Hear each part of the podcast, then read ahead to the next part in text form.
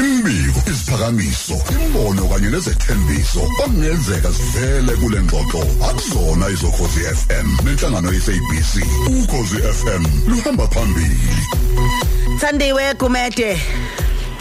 Ngiyabingelela Mroza, sanibonani ngiyabingelela Sigcemeza nakubalaleli emakhaya. yeah yeah Ah uphakathwayo mnguni. Bangazitha. Uwe lo.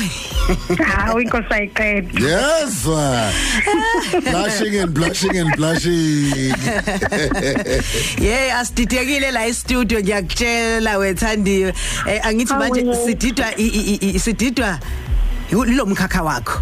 Eh siyesibone sekukhulunywa ngo high pressure systems ngo rigging highs. Singabe sisazi ukuthi kazi yini ama rigging highs kodwa sasithi ngcono sibize wena njengomuntu oyiqondawo lento ukuthi niso senikhuluma ngani ngempela? Manikhuluma ngama high pressure systems?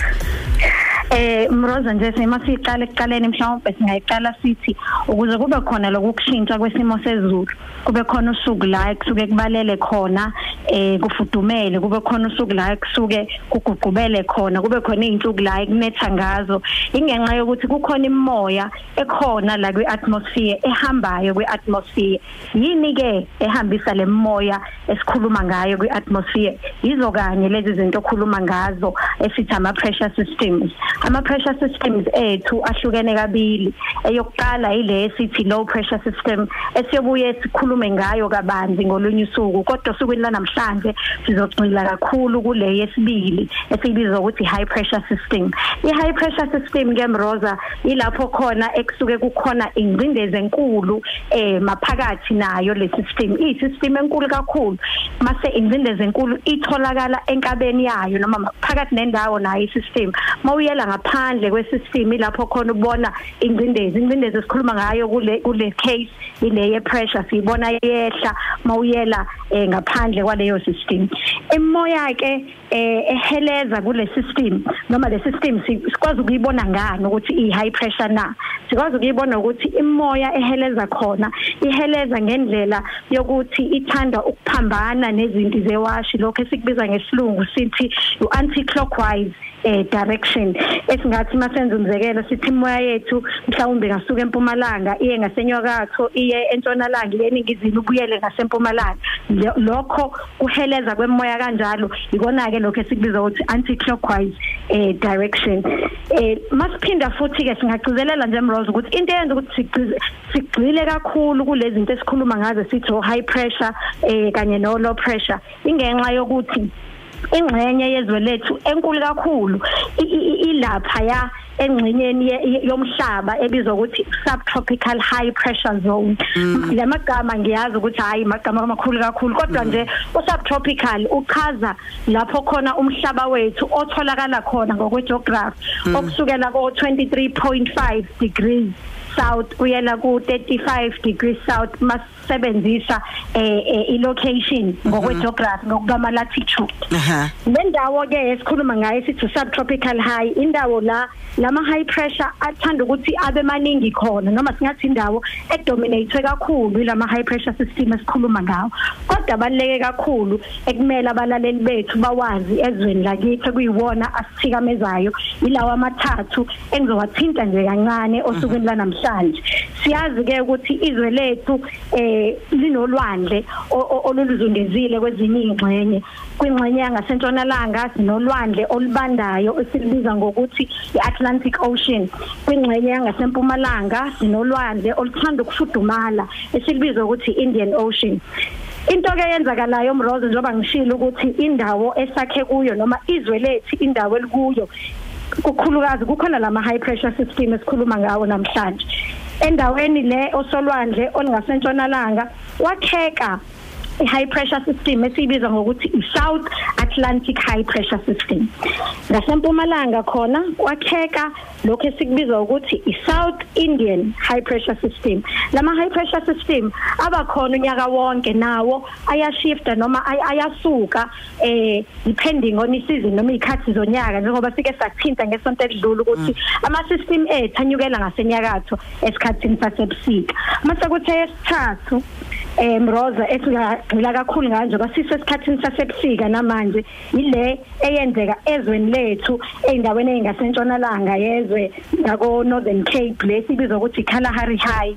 iKalahari High ke yona iba khona esikhathini sasebusika kuphela ngenxa yokuthi esikhathini sasehlobo esikhundleni sayo kuba khona lokho esikubiza ukuthi low pressure but esikhathini sasebusika kuba khona yona ngenxa yokuthi amazinga ethu okushisa asuke ehle kakhulu. Kanti low pressure yona isuke idinga ukuthi amazinga ethu okushisa aphakame noma kufudumale noma kushisa ingakho ke siba ne low pressure esikhathini sasehlobo.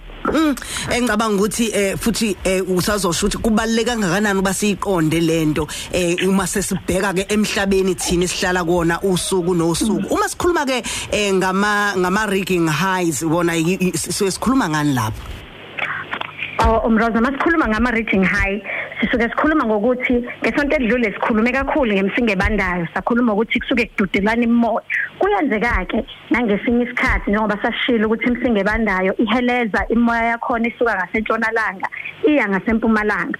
Kuyenzeka ngesinye isikhathi lo South Atlantic high pressure esithe inkaba yakhe isolwandle olungasentshonalanga yezwe uthi makudlula umsingo bandayo ezweni lethu lo South Atlantic high pressure ududule lo msingo bandayo ukwenza kanjani ke lokho ukwenza ngokuthi uyinwebe uyinwebele ngaseningizimu yezwe uzugcina ufike ngasempumalanga yezwe. Lokhu kunwebeka ke kwale high pressure system ikona lokho sithi ukurija noma iridging ngokwesilungu. Ukusuke nje kuyiloko kunwebeka kwaleyo high pressure system ikona kanye ke lokho okuyi region high okubaleke ngendlela eyisimangaliso mroza ngokuthi esikhathini sasebusika leyo region high ikwazi ukuthi silethele isimo sezulu esikwazi ukuthi kube khona imvula kakhulukazi ezifundazweni engasempumalanga yezwe. Mm bese sibona kuba nemvula isikhathi esiningi.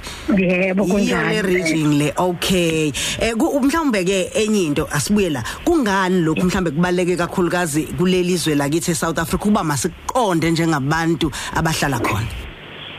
Kubaleka kakhulu mroza ukuthi masiqonde lokhu ngenxa yokuthi besichazile ukuthi ama system ethu anyukela ngasenyakatho esikhathini sasebusika.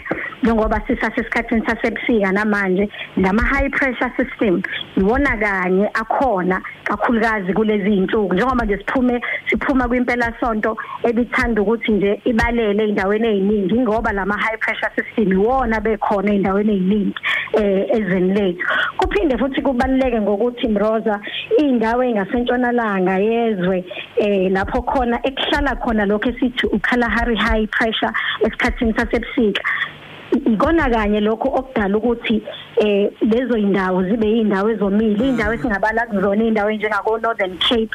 Esingasho nje sithi nalo Kalahari High uyizathu sokuthi kuze kube khona lolu gwadulu esikubiza ukuthi iKalahari Desert. Ngenxa yokuthi la kwi high pressure mroz imoya ekhona imoya ebandayo. Umoya obandayo umoya onesisindo esikhulu. Okusho ukuthi awukwazi ukukhuphuka uyehla wehlele ezantsi awudali mafu awudali imvula ingakho ke lezo indawo kuyindawo ezome ngaleyo ndlela. Asivale dadewethu uthandiwe. Uma sesivala nje mhlawumbe iseluleko sosuku ongasinikeza sona singabahlali bala eningizimu Afrika? Siza khamuzi eh iseluleko nje esingasinika usukela namhlanje mrozo ukuthi lama region high afika esikhathini sasebusika ngesinye isikhathi afika kakhulukazi. Nenkungu noma namakhungu kakhulukazi endaweni engasempumalanga kodwa ithanda ukuthi zithi ukuphakama. Okusho ukuthi lezi indawo zigcina ingayitholanga imvula kodwa ikhona indlela yokuthi lezi indawo zingazama ukuthi ithole lemvula zingazama lokho esikubiza ukuthi i-water harvesting ngokusebenzisa lokho esikubiza ukuthi ama-fork net. Lapho khona abamisa amanethi khona bafake ogadasi ngezansi ukuthi mayefika lamakhungu ashaye kule kule net yethu esikhuluma ngayo mase kuzakhela kona amaconsi ehlayo ehlela kulabo gadasi kwakheka amanzi. Amanzi aphilayo mroza abantu abangakwazi ukuthi bawasebenzise bawaphuze siyabonga.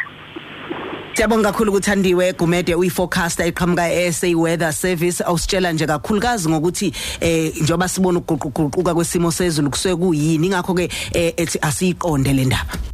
Ulalela uDJ Stemela. noRosa njalo ngomsombuluko kuya kulesihlanu kwivuka Africa Breakfast Show.